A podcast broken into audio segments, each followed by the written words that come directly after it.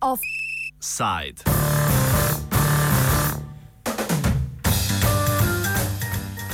Palestina, unovič, vedno.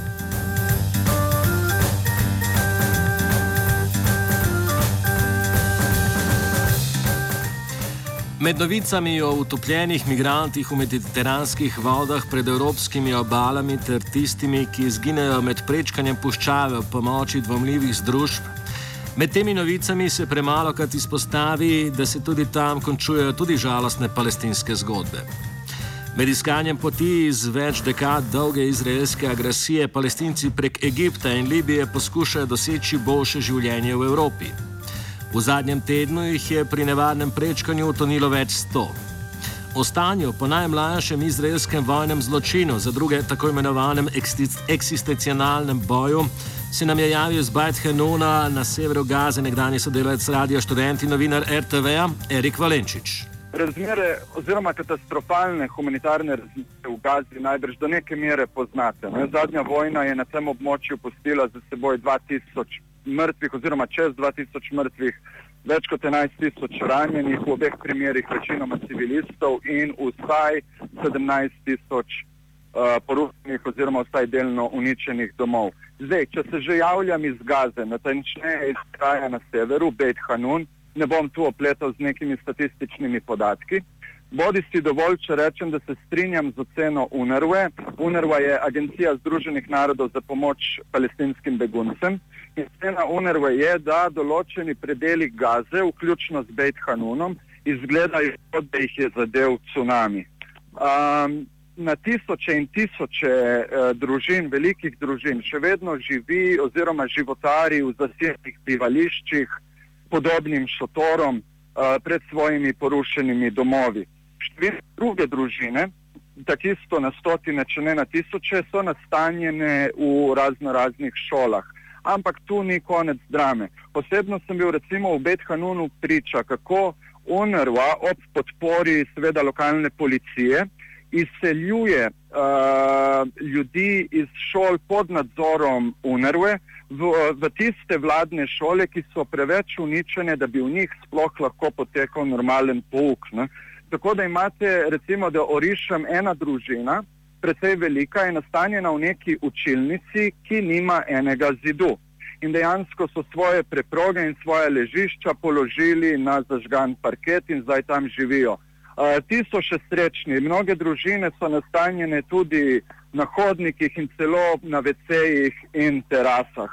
A, tako da situacija je absolutno katastrofalna. Tu moram reči, da dajem veliko kritiko na Združene narode. Ne. To je ta njihova tipična tehnokratska, birokratska rigidnost. Ne. Prešola se mora začeti, ne. ne glede na to, da številni uh, učenci in dijaki nimajo na voljo ne pogojev za dostojno življenje in bivanje, kaj šele, da bi imeli prostore, kjer bi se lahko koncentrirali oziroma učili. Ne. Tako da toliko o tem. Um, šola se je v vsakem primeru začela uh, z dvotedenskim zamikom. Uh, in prisostvoval sem recimo na eni osnovni šoli od, od UNRWE, torej pod nadzorom Združenih narodov, ne, kjer so najprej, preden se sploh začne normalen pouk, potekale psihoterapevtske delavnice. Ena izmed bolj šokantnih stvari je bila, da so dali otrokom balone, otroci so te balone napihnili in potem so jih združno oziroma skupno pokali. Uh, namen te delavnice je ta, da otroci nekako ponotranjijo, da razumejo, da pač se ne smejo bati, oziroma da se jim ni treba bati pokanja. Imam svoje zadržke glede, glede te metode, namreč eno je balon, drugo je 500 kg bomba odvržena z lovca F-16. Ne? Ampak že samo opazovanje te psihoterapevtske delavnice, moram priznati, je bilo za me osebno srhljivo in ti daje na neki mikroravni uh, zelo velik upogled, globok upogled, kako nemogoče razmere so pravzaprav tukaj. Ne?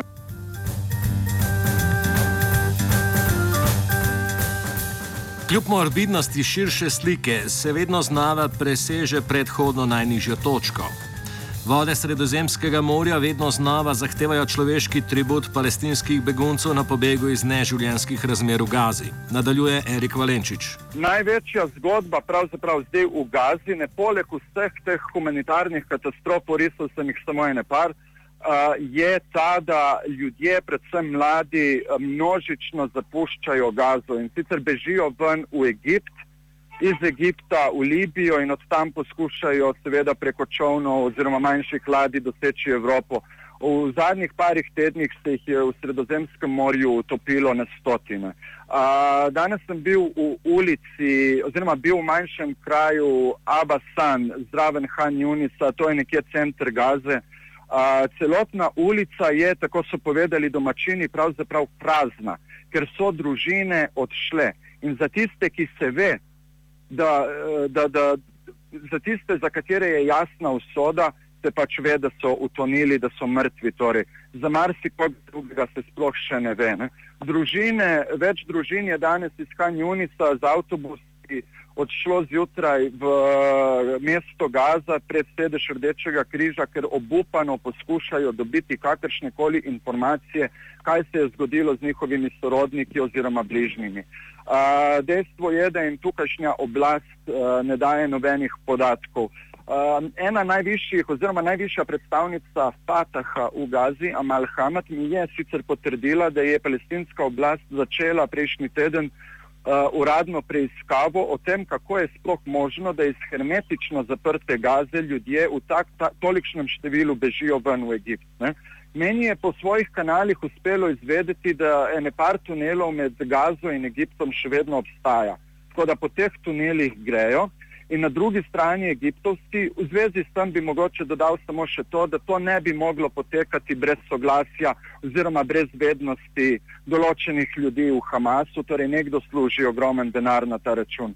V Egiptu Eh, te ljudi potem prevzamejo egipčanske kriminalne združbe. Pravim, da kriminalne združbe, ker definitivno ne gre tu za humanitarne organizacije, ki bi poskušale pomagati palestinskim nesrečnikom, ki jih potem za ceno po par tisoč dolarjev na glavo pripeljajo do Egipta, tam pa pač se njihova pot v Evropo nadaljuje oziroma nadaljuje v smrt. Še ena osebna nota. Kak se opazovalec, novinar, aktivist, torej ti, kako se spopadaš s temi, s temi uh, uh, slikami, s temi izkušnjami?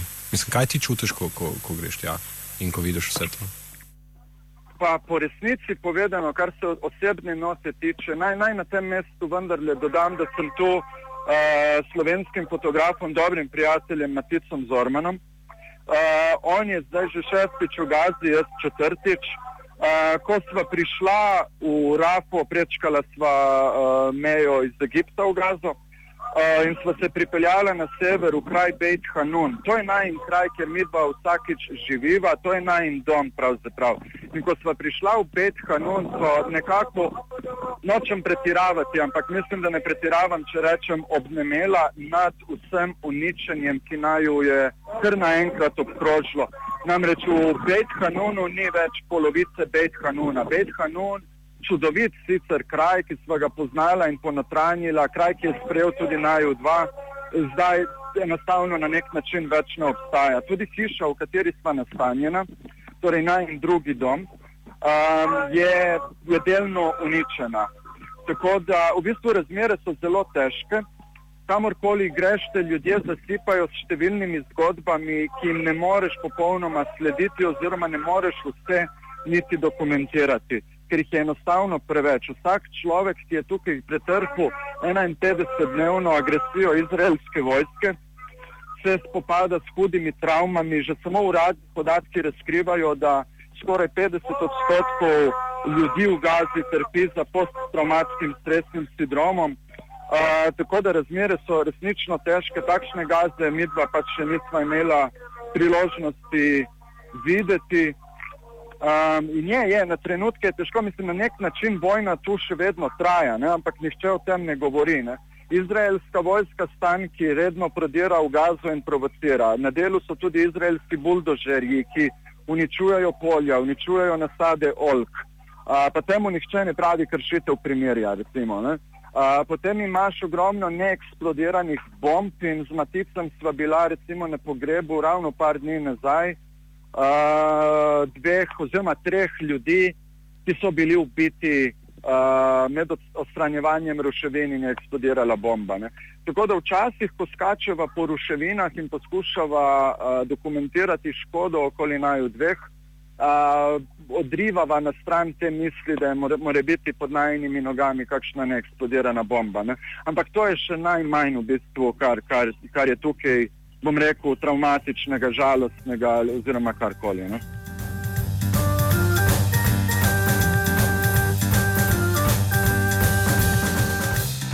Poslušani skupek je le del tragične palestinsko-izraelske zgodovine. Do naslednje, še bolj žalostne zgodbe palestinskih usod in nadaljevanju humanitarne tragedije se poslavljamo.